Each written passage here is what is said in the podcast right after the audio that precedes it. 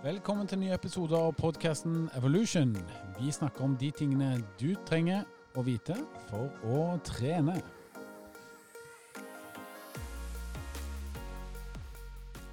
Hjertelig hjertelig velkommen til ny episode. Henning heter jeg, og jeg er vært som vanlig. Og jeg har jo med meg gladgutta, som vi kaller de. Da er det Halvor Laustad i shorts og hvite ben.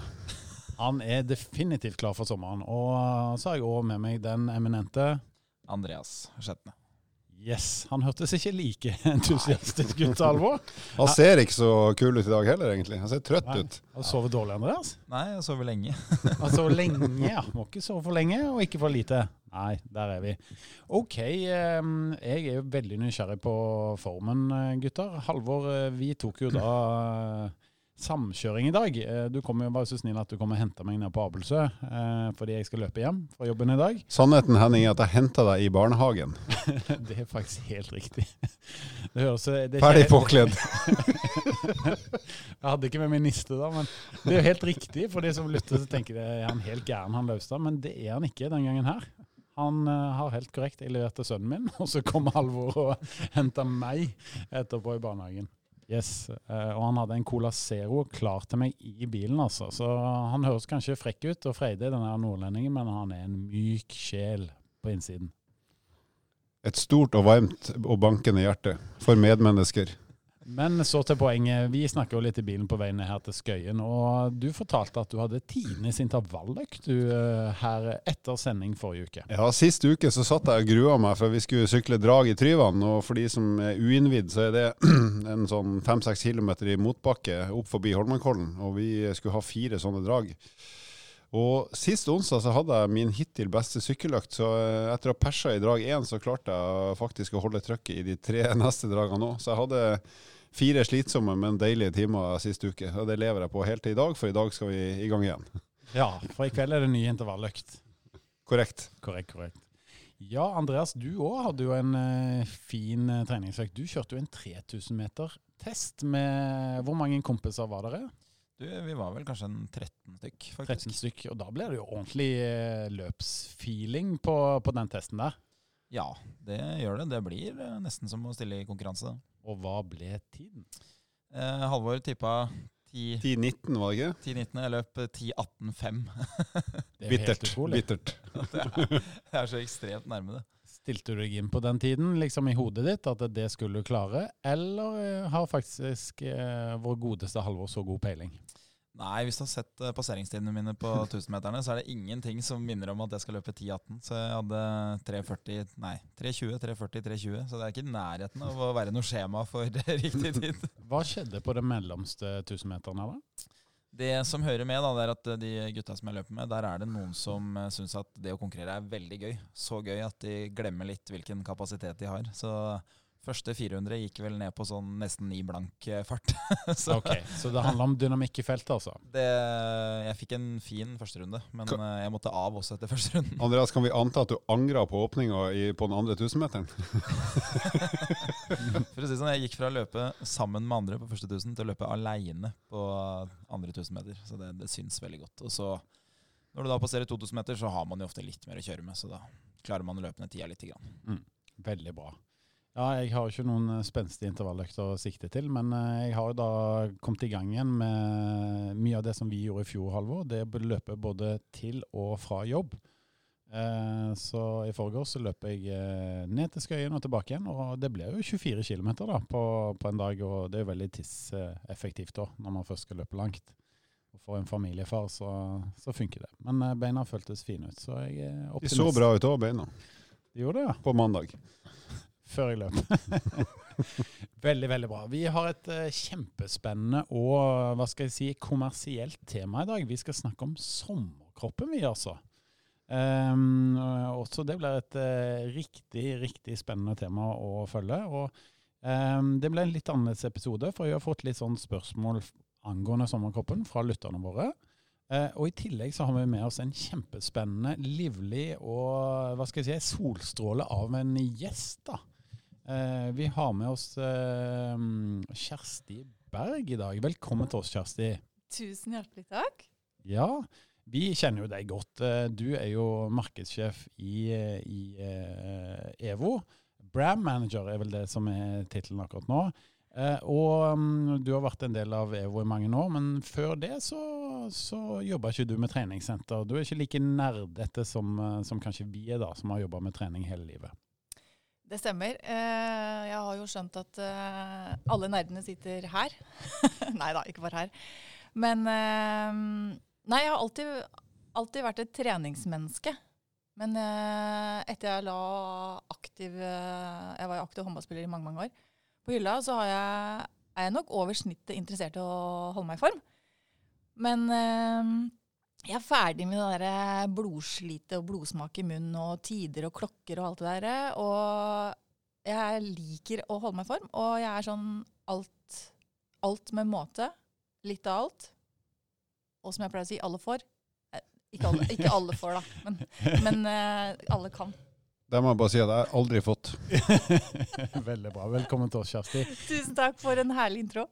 du, Vi hadde jo veldig lyst til at du skulle bli med på podkasten. fordi at du er en friskus og har trent hele livet. Men samtidig så er du ikke PT, da. ikke sant? Du har jobba med markedsføring og, og, salg gjennom eh, hele livet. Så eh, for oss på kontoret så har du vært et friskt puss. For du har jo ofte litt sånn andre vinklinger på det, hvordan det er å trene på treningssenter hvilke mål som både du og venninner og andre i ditt nettverk har. Da. Og Der har du beriket oss litt med litt andre syn på ting enn gjerne vi har som, som lever ånde for dette med trening og virkelig har det på brødskiva. da.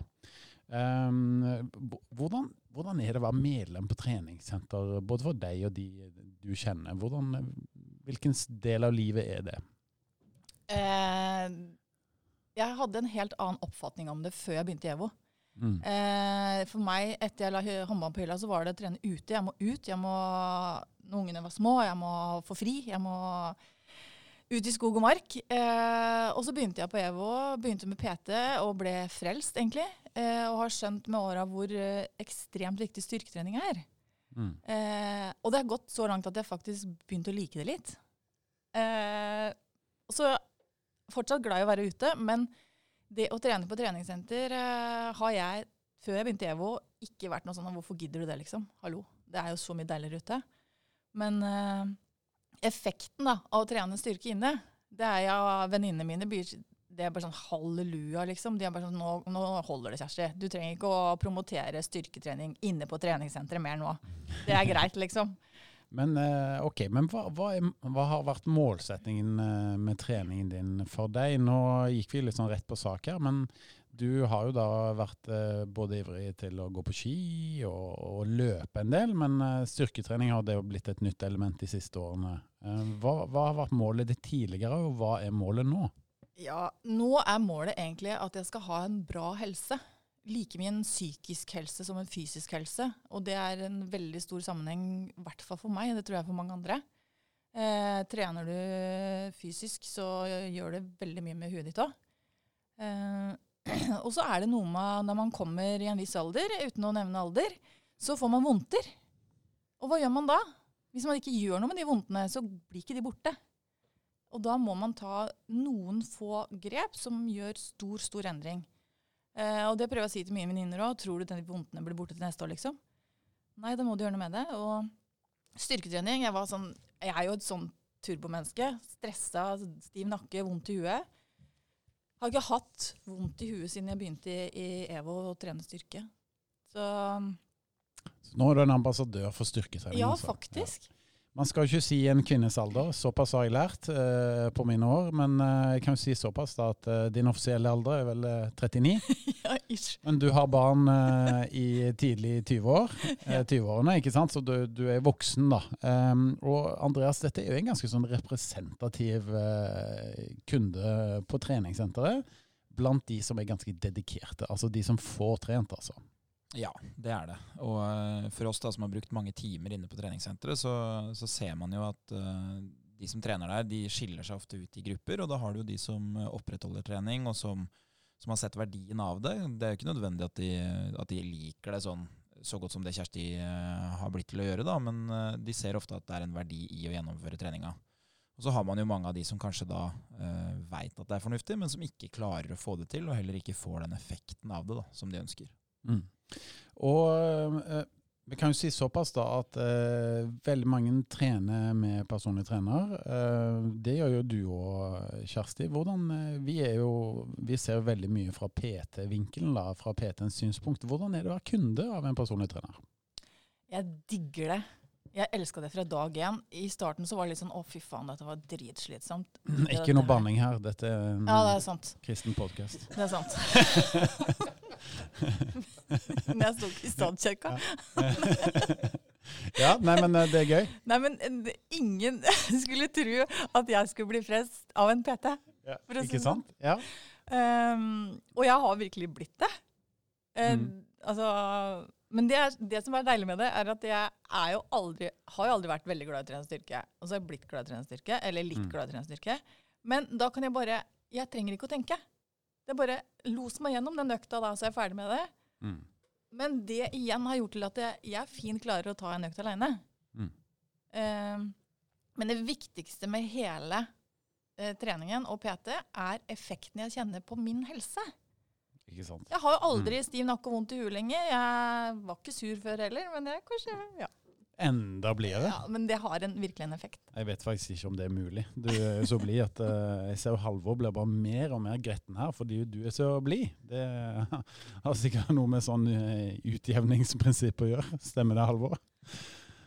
Korrekt. Jeg er dritsur akkurat nå. Bra.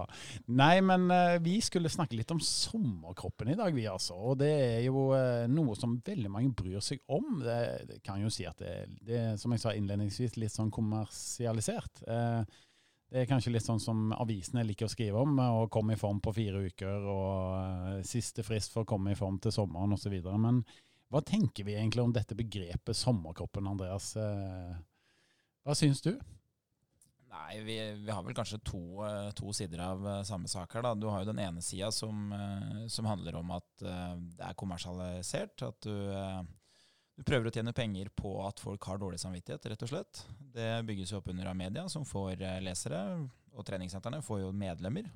Sånn at det fins jo en verdi her i å få mennesker til å tenke at oi, nå er jeg ute i dårlig tid, det, det må jeg gjøre noe med. Uh, mens på den andre sida så, så, er det jo klart at for oss som da uh, trener hele tida, og som syns det er veldig ålreit å ha trening som en del av hverdagen, så, så virker det jo som en kanskje en, ganske kortsiktig løsning. Det er jo veldig sjelden at, uh, at, det er bærekraftig å trene én måned i året, og så ha elleve måneder hvor du gjør veldig lite. Jeg tenker jo at Hvis jeg kommer til Magaluf og har trent hele juni, og skulle til Magaluf i juli, så er jeg jo ferdig trent. Ja, nå har jeg vært i Magaluf, da. Det, du, du, må trene for å dra til Magaluf, for det, det, er knallhardt. jeg har bare vært på ferie i Tyskland, så jeg skjønner ikke hva dere snakker om. ikke sant. Nei, men nå blir det kanskje ikke så eh, store utenlandsoppholdene for de fleste av oss i år, da. Men uh, da blir det vel kanskje ned på huk det skjer. Og der må jo sommerkroppen være på plass, ikke sant? Ja, det er vel noe de fleste tenker over. Kanskje ikke at det er et bevisst forhold, men eh, for de aller fleste da, så er det jo sånn at i, eh, i, mai så begynner man å nærme seg temperaturer som gjør at man ser seg sjøl kanskje litt mer med mindre klær. da. Mm. Man begynner å teste badeshorts og bikini. og, og det er jo sånn at eh, Man har jo ofte et syn på seg sjøl og hvordan man burde sett ut, kanskje. og det er ikke alltid samsvar mellom hva du faktisk har oppnådd. Nå tøyser vi litt med dette temaet, men uh, grunnen til det, det er at uh, i, i, vår verden som personlig trener, så er det veldig ofte sånn at vi mener at du skal trene hele tiden. Så Derfor tuller vi litt med det, for det er litt sånn, det er elementer her av litt sånn siste liten trening. Litt dårlig tid, og at oi, dette burde jeg tenkt på før, men nå får jeg bare sette i gang. Og Derfor er det sånn, litt sånn vanlig blant Peter å tulle litt med sommerkroppen, da, kan man si.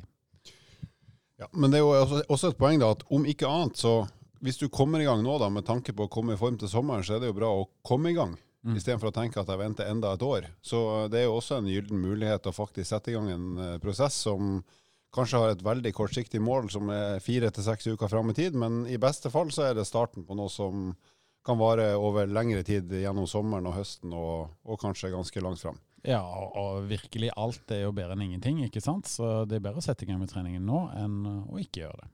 Ja, og så har vi jo sett fra en del studier at hvis du skal lykkes med det å gjøre en livsstilsendring, så det at den er tidsbestemt, det er ofte et kriterium som gjør at det er lettere å lykkes. Og det at du skal i gang med sommerkroppen, det er jo definitivt tidsbestemt. Det er jo kanskje den enkleste formen for å lykkes. Du vet at nå er det åtte uker, det er så og så mange dager, det er så og så mange treningsøkter som skal gjennomføres. Og det kan jo, som Alvor sier, gjøre at du faktisk kommer i gang med den treninga som du kanskje har utsatt da veldig lenge. Mm. Uh, men det som er morsomt da rundt det med sommerkroppen, det er jo at for de fleste som trener jevnt hele året, uh, for meg f.eks., for, for Halvor, så er jo kanskje mai-juni er jo kanskje de månedene hvor man er i dårligst form. For det er jo de månedene hvor det dukker opp masse helligdager, det dukker opp mye grilling, mye forskjellige ting som skal gjøres.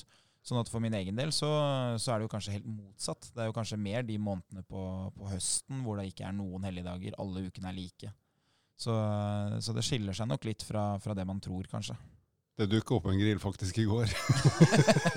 Nei, men det, det jeg skulle si, det er jo at det du snakker om at, at det er tidsbestemt. og det, det, er jo, Nå er det fire, seks, åtte uker til sommerferien, litt avhengig av når du tar ferie. Men det er jo det gode nyheten er at det er lang nok tid til at du faktisk kan eh, påvirke formen din ganske mye, som vi skal snakke litt om. Så det er ikke sånn at eh, du må tenke ett år fram i tid. Hvis du har det tidsperspektivet at fram til sommerferien skal jeg gjøre noe som får eh, betydning og effekt for fysisk og sikkert også psykisk form, så er det tid nok til å gjøre ganske store forandringer fram mot sommeren. Og så håper vi at det er starten på noe som varer lenger. Men det skal vi jo snakke mer om ganske straks. Ja, og sånn fysiologisk sett da, så, så vet man at det er mer enn god nok tid til å komme i god form. Det som kanskje ikke er like lett, det er jo å skulle bli tynn, som mange tror at er å bli i god form. Men eh, kroppsvekta di er jo på en måte ikke en definisjon på den fysiske formen du har. Så hvis du skal være aktiv i sommer, så vil jeg definitivt ha brukt en seks til åtte uker på å trene og komme i form, så at jeg kan tåle å være med på mye morsomt i, i sommer. Mm. Du, eh, Kjersti. Dette med sommerkroppen, eh, hva syns du om det? Og er det mange som er fokusert på det der ute? Du er jo definitivt representativ for både medlemmer og, og lytterne våre i så måte. Kan du, kan du svare litt på det? Jeg tror kanskje ikke så innmari mange på min alder er så veldig fokusert på sommerkroppen. Men eh, det å bare se seg rundt i media og se hva som blir skrevet, eh, så er det jo Det er jo slanking etter nyttår, og det er sommerkroppen denne tida her. Eh, og så er ikke jeg veldig fan av denne sommerkroppen.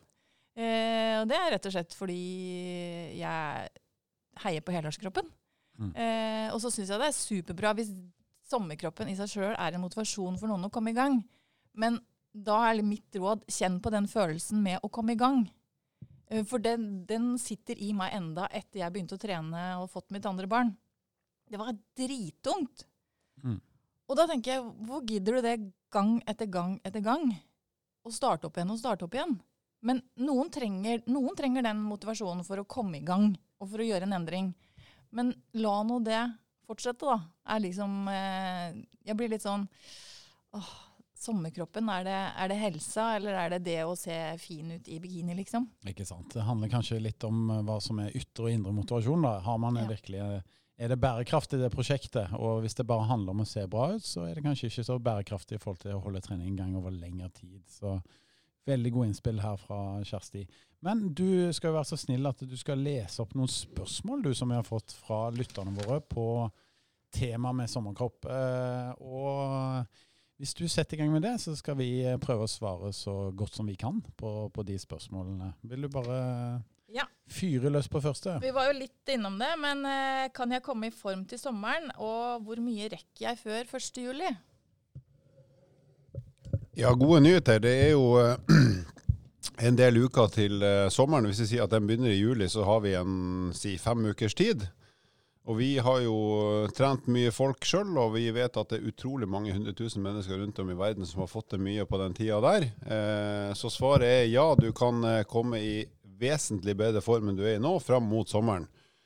Og så er selvfølgelig spørsmålet er det om å gjøre å bli tynnest mulig, eller sterkest mulig, eller best mulig kondis. Det, det vil jo være litt variabelt. Men hvis vi tenker å gjøre en formendring som sannsynligvis både vil synes på kroppen din og ikke minst føles på kroppen, så, så tenker jeg litt sånn fritt og åpent her at hvis du legger inn en, en eller to gode kondisjonsøkter i uka, så vil du definitivt fort merke bedre kondisjon og mer overskudd.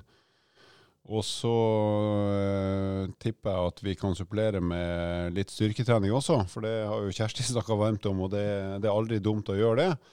Så hvis vi sier at hvis du setter av to ganger i uka, kanskje til og med tre, uh, der du har en innsats som gjør at du i kondisjonstreninga blir uh, ganske andpusten og sliten, i hvert fall 20-25 minutter per økt, og styrketrening som eh, treffer på de store muskelgruppene, altså eh, knær, hofte, eh, skulderparti, så, så, vil du garantert bli sterkere i løpet av de fire, fem, seks ukene hvis du er i den fasen at du tenker at nå må jeg bare komme i gang. Så jeg vet ikke om dere vil supplere litt, gutta, på noen forslag til noen økter eller noen øvelser som kan, kan være bra. Nå er jo treningssentrene åpne om et par uker òg, så nå blir det snart enkelt å få trent styrke igjen også. Ja, eh, et sånt, eh, Det enkleste tipset av alle vil jeg si at eh, når treningssentrene åpner igjen, at du kommer deg på trening. Sørg for at du kommer rett inn i rutinen igjen, og at du får to-tre raske økter på, bare på noen få dager, sånn at du liksom er litt inne i flyten igjen. da. Og så snakket jo Kjersti veldig varmt om dette med PT, så jeg ville anbefalt å kjøpe meg kanskje en liten pakke nå.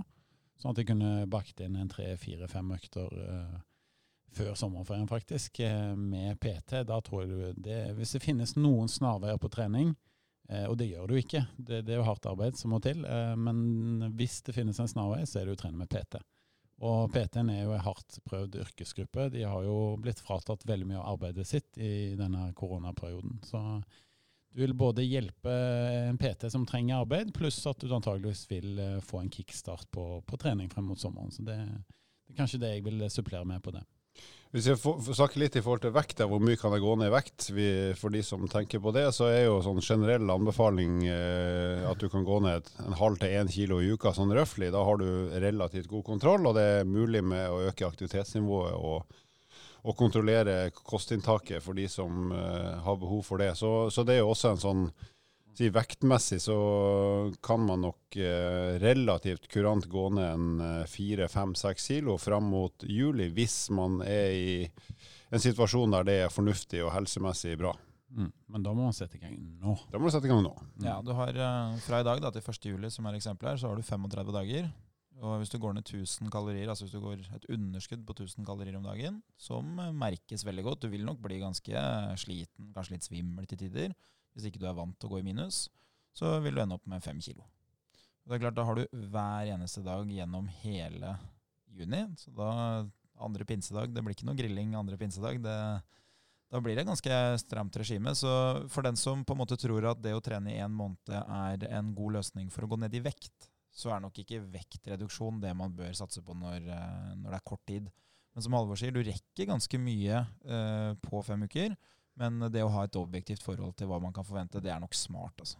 Mm. Så Hvis vi da tar utgangspunkt i at du har lyst til å gå ned noe i vekt, og først og fremst komme i bedre form, og vi tenker at vi skal få til noe før sommerstart, så eh, legger vi inn da to kondisjonsøkter i uka. og Da vil jeg tenkt den Ronja-økta som vi snakka om forrige gang, der du har eh, 20 minutter med ganske høy intensitet, der du går, løper, sykler, eller i hvert fall har en kondisjonstrening der du jobber hardt ut fra ditt nivå. F.eks. ti intervaller på to minutter hver, med ett til to minutter pause eh, innimellom hvert drag. Hvis du gjør det to ganger i uka, så har du garantert en bedre kondisjon, vesentlig bedre kondisjon 1.7.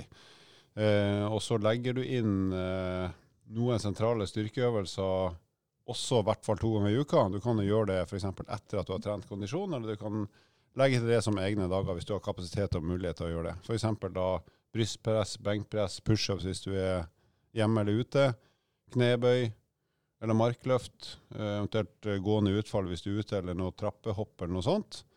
Mm. Og en eller annen form for ryggøvelse, mm, så treffer du på de store muskelgruppene. Da, da får du gjort ganske mye på, på de ukene fram mot uh, sommeren. Så håper vi at det er starten på noe som blir varig. Mm, absolutt. Eh, gode innspill der fra Halvor. Eh, på rygg så kan du si at hvis du er inne på treningssenter, så er det ganske enkelt med sittende roing, nedtrekk, pullups. Eh, og omvendte flies, f.eks. Um, så der finnes det mange muligheter. Men skal du gjøre, trene rygg ute, det har vi vært inne på tidligere, det er kanskje ikke like lett å gjøre trekkøvelser.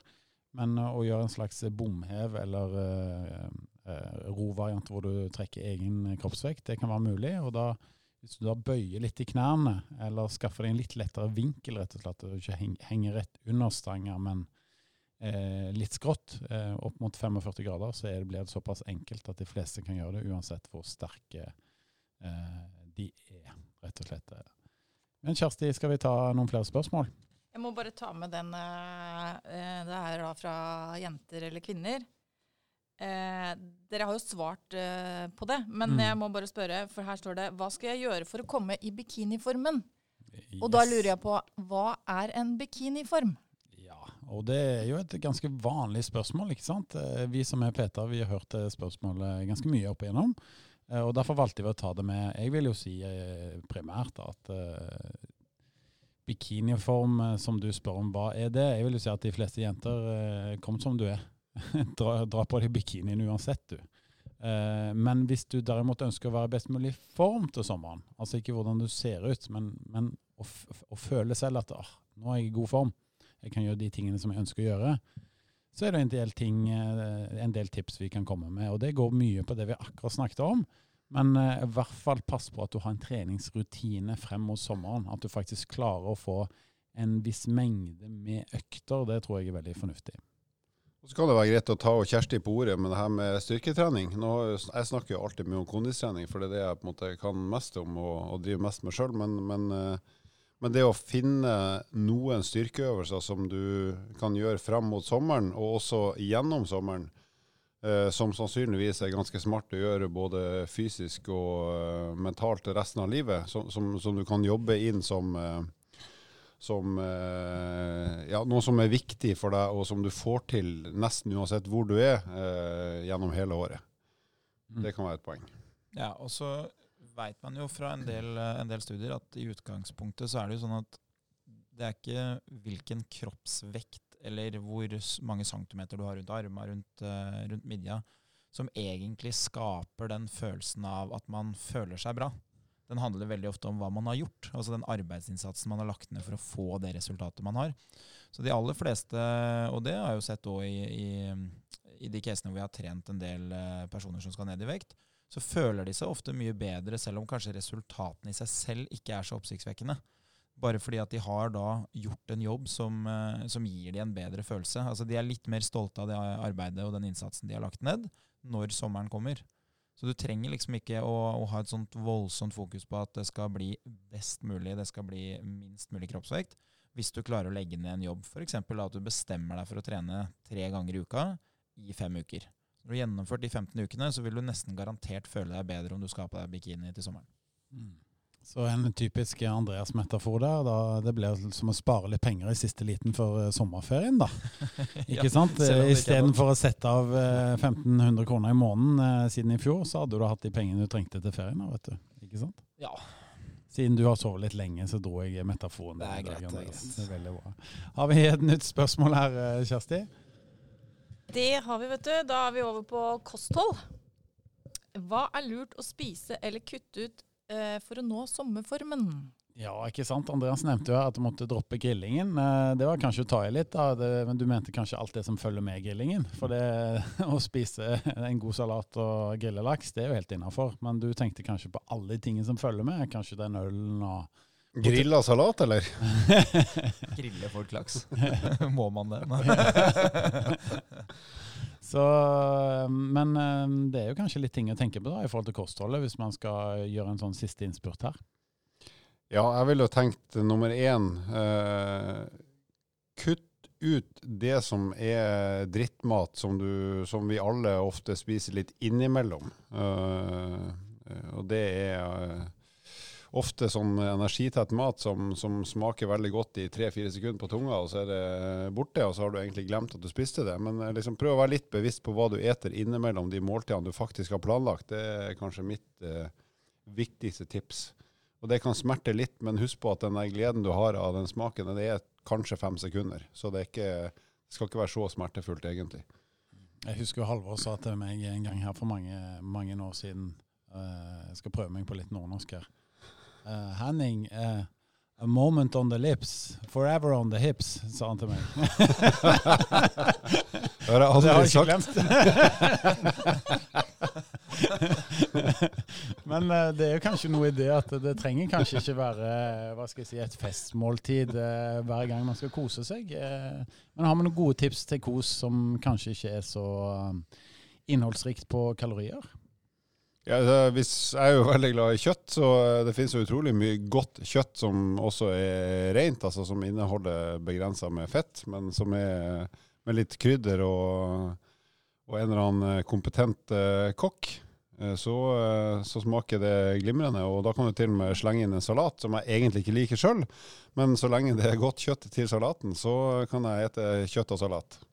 Jeg må jo si at Halvor er en mester i dette med kaloribalanse, rett og slett. Fordi at han koser seg masse og spiser ting som han er glad i. Jeg tror du spiste Hvor mange boller hadde du i går? Jeg hadde fire til lunsj, for da feira vi min bursdag som var i forrige uke. Gratulerer til meg. Og i tillegg så fikk jeg med meg fire boller hjem, som jeg oppdaga at jeg hadde tatt med hjem i går klokka 23.03. Og da spiste jeg de fram til klokka 23.30. Ja, det angrer jeg bittert på i dag. Ja.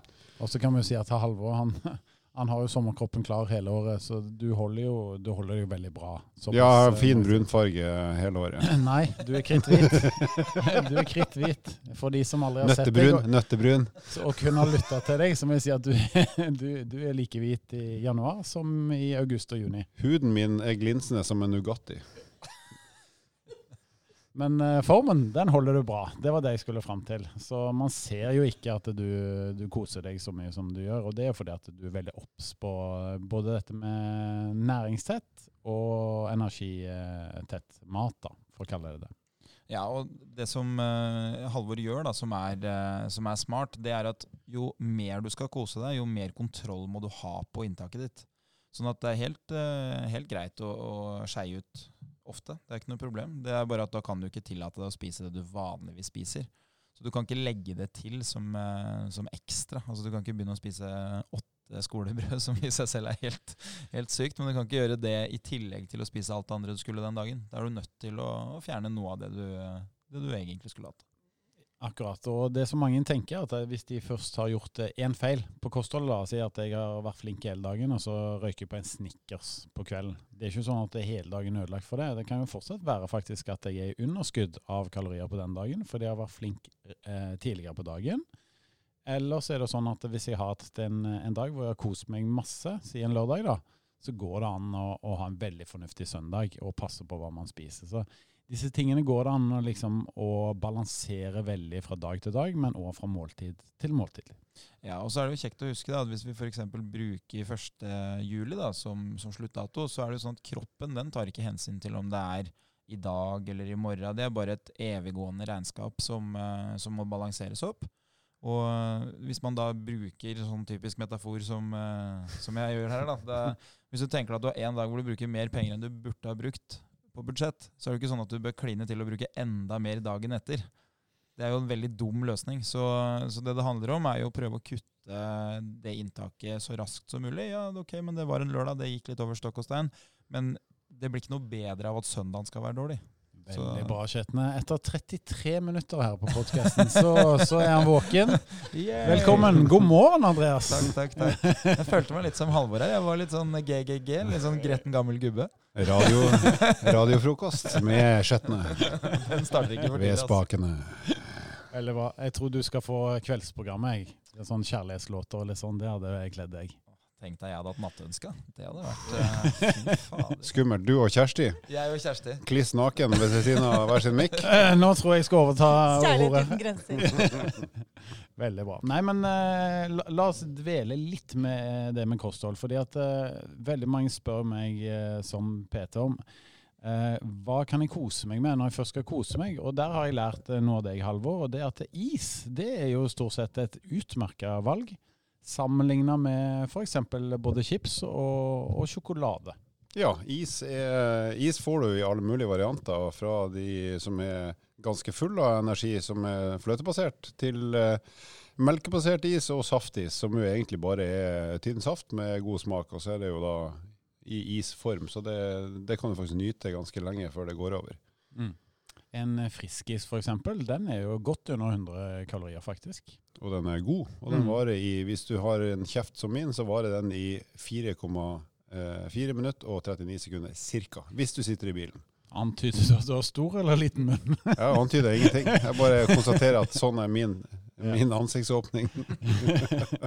men uh, is er jo altså et godt valg. Men se gjerne litt på kaloribeholdningen på baksiden. Uh, se litt på hva, som, hva isen består av. Uh, veldig mange is er ganske fornuftige valg, altså. En klassisk vaniljeis f.eks. Kan, kan være et godt valg. Ja, den er jo ikke så stor, den, men igjen, den eh, er god nok og stor nok til at du kan nyte smaken i en to-tre minutter. i hvert fall. Mm, og Mange av mine kunder da, de sier at oh, nå føler jeg liksom det er lettere å holde litt av både kosen, samtidig som jeg passer på at jeg ikke får i meg for mye kalorier. Så det, det er et tips som veldig mange mottar med takk. da.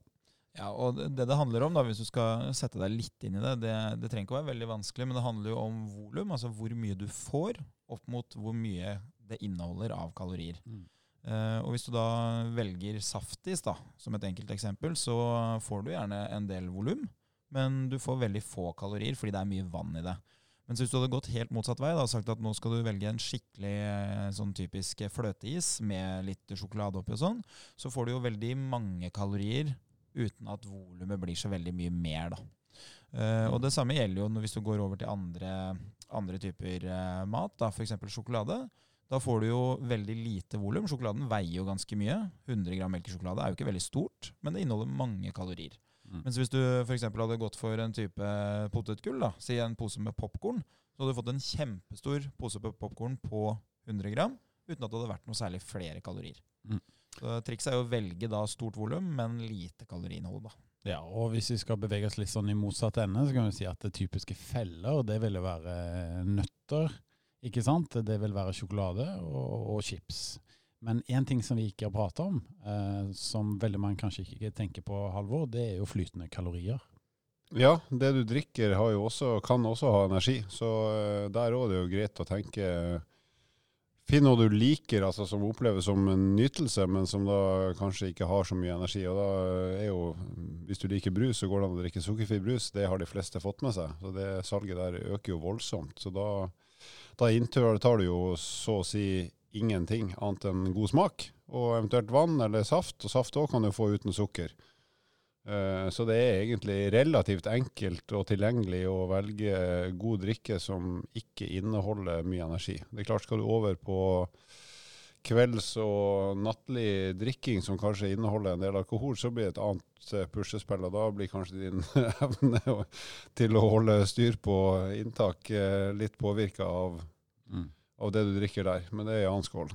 For å sette det på spissen, så er det sånn at hvis jeg eh, i løpet av noen uker har full lørdagsfest med godteri, ikke med alkohol, så vil jeg mest sannsynlig, basert på hvor mye jeg løper om dagen, så går jeg ned i vekt. Mens hvis de lørdagene er fest, og jeg ikke spiser noe godteri, men jeg drikker eh, øl, og nå er det ikke mulig å dra på byen, da, men jeg hadde gjort det, så hadde jeg gått opp i vekt. Uten at jeg har spist noe godteri. Og det er jo ikke det at alkohol i seg selv er liksom sånn fy-fy, men alkohol inneholder veldig mye kalorier. Det er sju uh, kalorier per gram, så det er ganske høyt uh, innhold av kalori. Og så er det veldig enkelt å få det i seg. Det er mye lettere å drikke en del halvlitere enn det hadde vært å sitte og spise den samme mengden med, med litt uh, hardere føde. da. Mm, hvordan vet du egentlig det, holdt jeg på å si? Hvordan jeg vet at alkohol inneholder mange kalorier? kan du ikke bare fryse en halvliter i is, da? Det ja, jeg har prøvd det, faktisk. Nei, men uh, det er ikke noe godt. Veldig mange gode poenger. Og her uh, sitter vi gjerne litt på nøkkelen til at veldig mange har gått opp i vekt. Uh, mange sier gjerne at jeg skjønner ikke hvordan jeg har gått opp. Jeg har jo ikke spist uh, verken usunt eller mye. Men flytende kalorier er gjerne en årsak. Men, men la nå det være sagt, det er jo ikke noe gærent i å kose seg med en halvliter eller et Absolutt glass ikke. med vin, eller hva, Kjersti? Nei, det går kjempefint. Men jeg hadde bare et lite tips òg. Og det er ikke fordi jeg er innmari god på kalorier. Jeg er veldig, veldig dårlig. Jeg teller ikke kalorier, som sagt. Ikke klokker, ingenting. Men det jeg har hørt, da, og det jeg har sett tips om, er disse kaffedrikkene. Som òg caffè latte med sukker og kanel og litt sånn.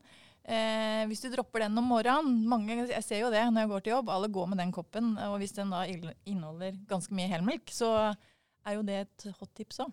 Mm, veldig godt innspill fra Ja. Kjersti.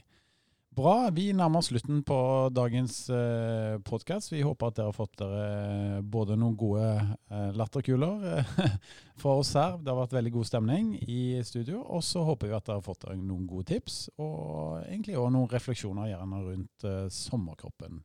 Så med det sagt så tror jeg vi skal gi eh, siste ord til vår eh, kjære gjest. Jeg. Jeg kom på en ting. Eh, når du er på ferie, eller når du har sommerferie, eller egentlig hele året, så har jeg et motto. Eh, men det tenker jeg spesielt på i ferietida, nå, hvor jeg setter pris på en godt glass vin og hyggelig lag. Jeg har alltid et motto som er å yte før nyte. Og det tenker jeg alltid på, for rosévin smaker så mye, mye bedre etter at du har trent. Mm. Balanse i livet. Få gjort treningsøkta på morgenen når du er på ferie. Kos deg gjennom eh, dagen, men vær aktiv, og så fortjener du da en godbit. Vil du ha et tips til? Ja, ja, ja, kjør på. Jeg er så lei av å høre at ja, men du jobber i treningsbransjen, så det er så lett for deg, du er så glad i å trene og bla, bla, bla. Jeg er ikke noe glad i å trene, jeg heller. Men det som er greia, er at folk må slutte å lete etter en motivasjon for å trene. Og det snakka vi litt om i går. Bare gjør det. Bare Jeg, gjør det. I huet mitt så er det én av fem om dagen. Altså tankegangen. Absolutt. Og jeg stiller meg bak det Kjersti sier Just der. Det er ikke alltid jeg har lyst til, jeg heller. Men uh, når man først kommer i gang, så er det sånn at man angrer stort sett aldri på en treningsøkt man har gjort. Og en Grandiosa smaker alltid best etter trening. Jeg trodde det var ditt ordtak, jeg, Halvor. Alt smaker bedre enn et maraton. Veldig bra. Med det så sier vi takk for oss eh, for i dag. Uansett hva som er målet ditt, så ønsker vi deg lykke til med treningen frem mot uh, sommeren. Prøv å få, få på plass de gode vanene. Og så er vi tilbake med en ny episode om ikke så altfor lenge. Husk å abonnere på podkasten på Spotify eller på iTunes. Og husk på det, fortsett å sende inn gode spørsmål på EvoFitness sin Instagram eller på Facebook. Til neste gang, god trening!